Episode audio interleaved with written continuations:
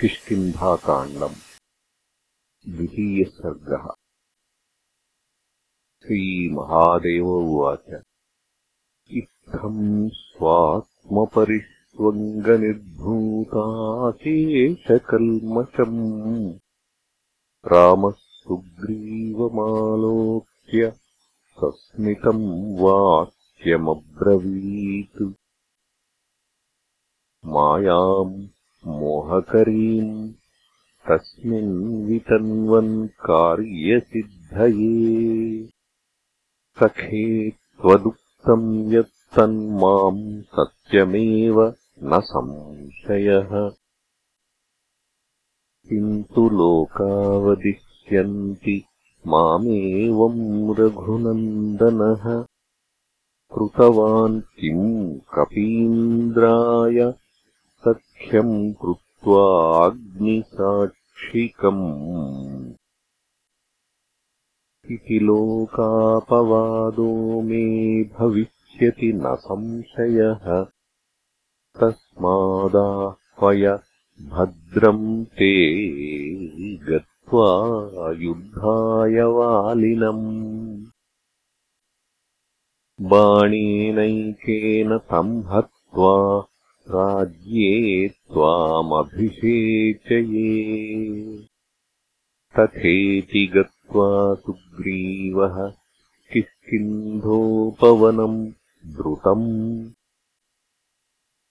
कृत्वा शब्दम् महानादम् समाह्वयतवालिनम्। तच्छ्रुत्वा भ्रातृनिनदम् रोषताम्रविलोचनः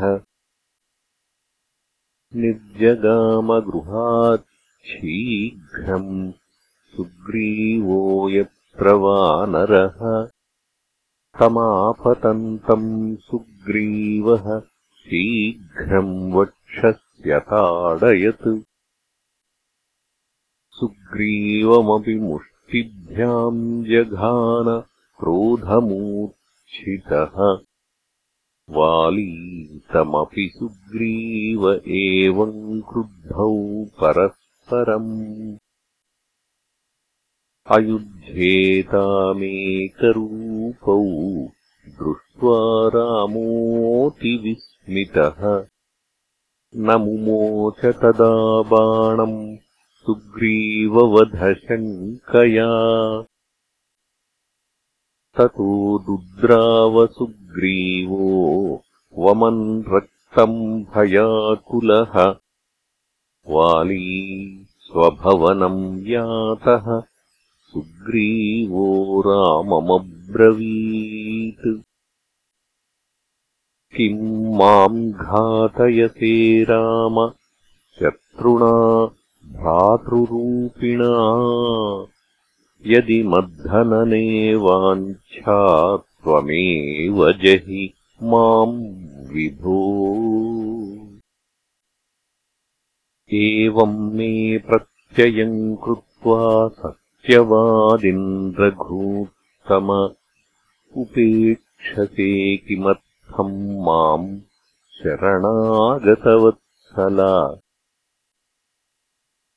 श्रुत्वा सुग्रीववचनम् रामः साश्रुविलोचनः आलिङ्ग्यमास्मभैषी त्वम् दृष्ट्वा वामेकरूपिणौ।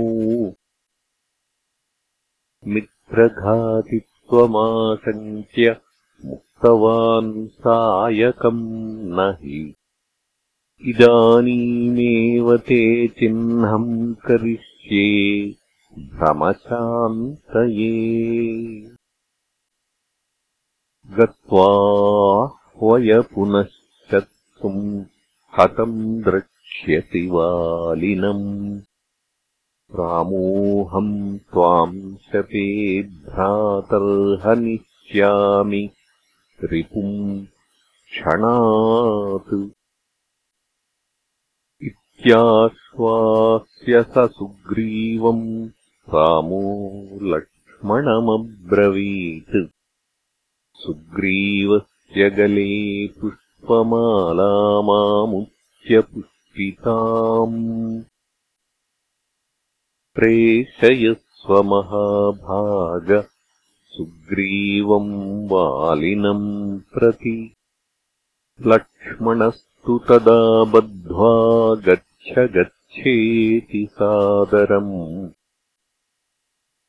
प्रेषयामास सुग्रीवम् सोऽपि गत्वा तथाकरोत् पुनरप्यद्भुतम् शब्दम् कृत्वा वालिनमाह्वयत्।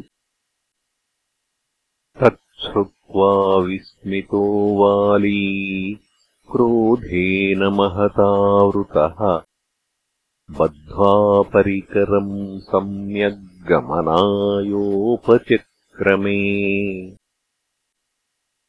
गच्छन्तम् वालिनम् तारा गृहीत्वा निशिषेधतम्।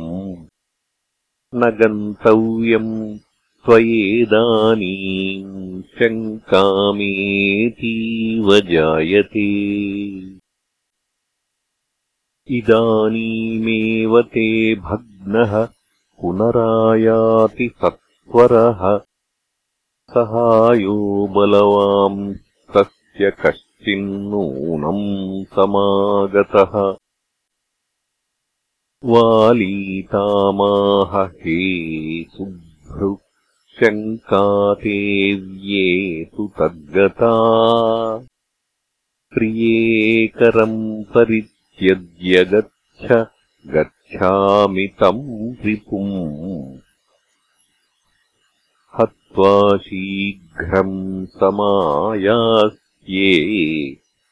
सहायस्तस्य को भवेत्। सहायो यदि सुग्रीवस्ततो भयम् क्षणात्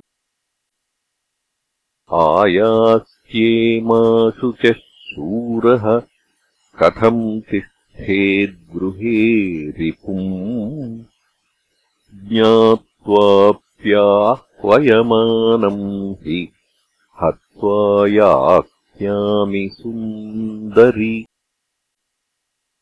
तारोवाच ोऽन्यच्छृणुराजेन्द्र श्रुत्वा कुरु यथोचितम्। आहमामङ्गदः पुत्रो मृगयायाम् श्रुतम् वचः। अयोध्याधिपतिः श्रीमान् रामोदाशरथिः सह भ्रात्रा सीतया भार्यया सह। आगतो दण्डकारण्यम् तत्र सीताहृता किल? रावणेन सह भ्रात्रा मार्गमाणोऽथ जानकीम्। आगतो ऋष्यमूकाद्रिम् सुग्रीवेण समागतः। चकारतेन सुग्रीवः सख्यम् चानलसाक्षिकम्। प्रतिज्ञाम् कृतवान् रामः सुग्रीवाय सलक्ष्मणः। वालिनम् समरेहत्वा राजानम् त्वाम् करोम्यहम्। इति निश्चित्यतौ यातौ निश्चितम् शृणु मद्वचः। इदानीमेव ते भग्नः कथम् पुनरुपागतः। अतः त्वम् सर्वथा वैरम् सुग्रीवमानय। यौवराज्येऽभिषिञ्चासु रामम् त्वम् शरणम् व्रज। पाहि मामङ्गदम् राज्यम् कुलम् च हरिपुङ्गव। इत्युक्त्वाश्रुमुखी तारा पादयोः प्रणिपत्यतम् हस्ताभ्याम् चरणौ धृत्वा रुरोदभयविह्वला। तामालिङ्ग्य तदा वाली सस्नेहमिदमब्रवीत्। प्रीस्वभावाद्विभेषि त्वम् प्रिये नास्ति भयम् मम रामो यदि समायातो। लक्ष्मणेन समम् प्रभुः। तदा रामेण मे स्नेहो भविष्यति न संशयः। रामो नारायणः साक्षादवतीर्णोऽखिलप्रभुः भूभारहरणार्थाय श्रुतम् पूर्वम् मया नघे। स्वपक्षः परपक्षो वा नास्ति तस्य परात्मनः। आनेष्यामि गृहम् साध्वि नत्वा तच्चरणाम्बुजम् भजतोऽनुभजत्येष भक्तिगम्यः सुरेश्वरः यदि स्वयम् समायाति सुग्रीवो हन्मितम् क्षणात् यदुक्तम् यौवराज्याय सुग्रीवस्याभिषेचनम् कथमाहूयमानोऽहम् युद्धाय रिपुणा प्रिये शूरोऽहम् सर्वलोकानाम् सम्मतः शुभलक्षणे। भीतभीतमिदम् वाक्यम् कथम् वालीवदेत् प्रिये तस्माच्छोकम् परित्यज्य तिष्ठसुन्दरि वेश्मनि एवमाश्वास्यताराम् ताम् शोचन्तीमश्रुलोचनाम् गतो वाली समुद्युक्तः सुग्रीवस्य वधाय सः दृष्ट्वा वालिनमायान्तम् सुग्रीवो भीमविक्रमः। उत्पपातगले बद्धपुष्पमालः पतङ्गवत्। मुष्टिभ्याम् ताडयामास वालिनम् सोपितम् तथा। अहन्वाली च सुग्रीवम् सुग्रीवो वालिनम् तथा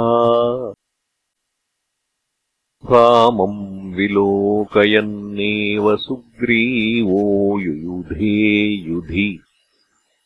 इत्येवम् युध्यमानौ तौ दृष्ट्वा रामः प्रतापवान् बाणमादाय तूणीरादैन्द्रे धनुषि सन्दधे। आकृष्य कर्णपर्यन्तमदृश्यो वृक्षषण्डगः। निरीक्ष्यवालिनम् सम्यग्लक्ष्यम् तद्धृदयम् हरिः। उत्ससर्जाशनिसमम् महावेगम् महाबलः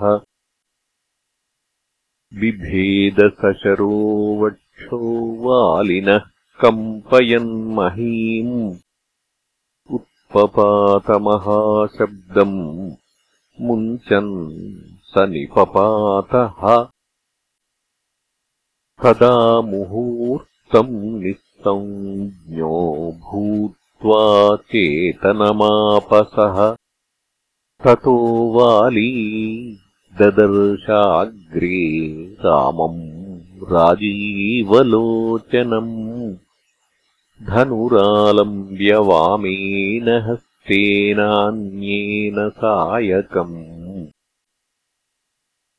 बिभ्राणम् चीरवसनम् जटामुकुटधारिणम् विशालवक्षसम् भ्राजद्वनमालाविभूषितम् पीनचार्वायतभुजम् नवदूर्वादलच्छविम्। सुग्रीवलक्ष्मणाभ्याम् च पार्श्वयोः परिसेवितम् विलोक्यशनकैः प्राह वाली रामम् विगर्हयन् किम् मयापकृतम् राम तव येन हतोऽस्म्यहम्। राजधर्ममविज्ञाय गर्हितम् कर्म ते कृतम् वृक्षषण्डे तिरोभूत्वा त्यजता मयि सायकम्। यशः किम् लप्स्यते राम? सोरवत्कृतसङ्गरः। यदि क्षत्रियदायादो मनोर्वंशसमुद्भवः। युद्धम् कृत्वा समक्षम् मे प्राप्स्यसे तत्फलम् तदा। सुग्रीवेण कृतम् किम् ते? मया वा न कृतम् किमु? रावणेन हृता भार्या तव राममहावने।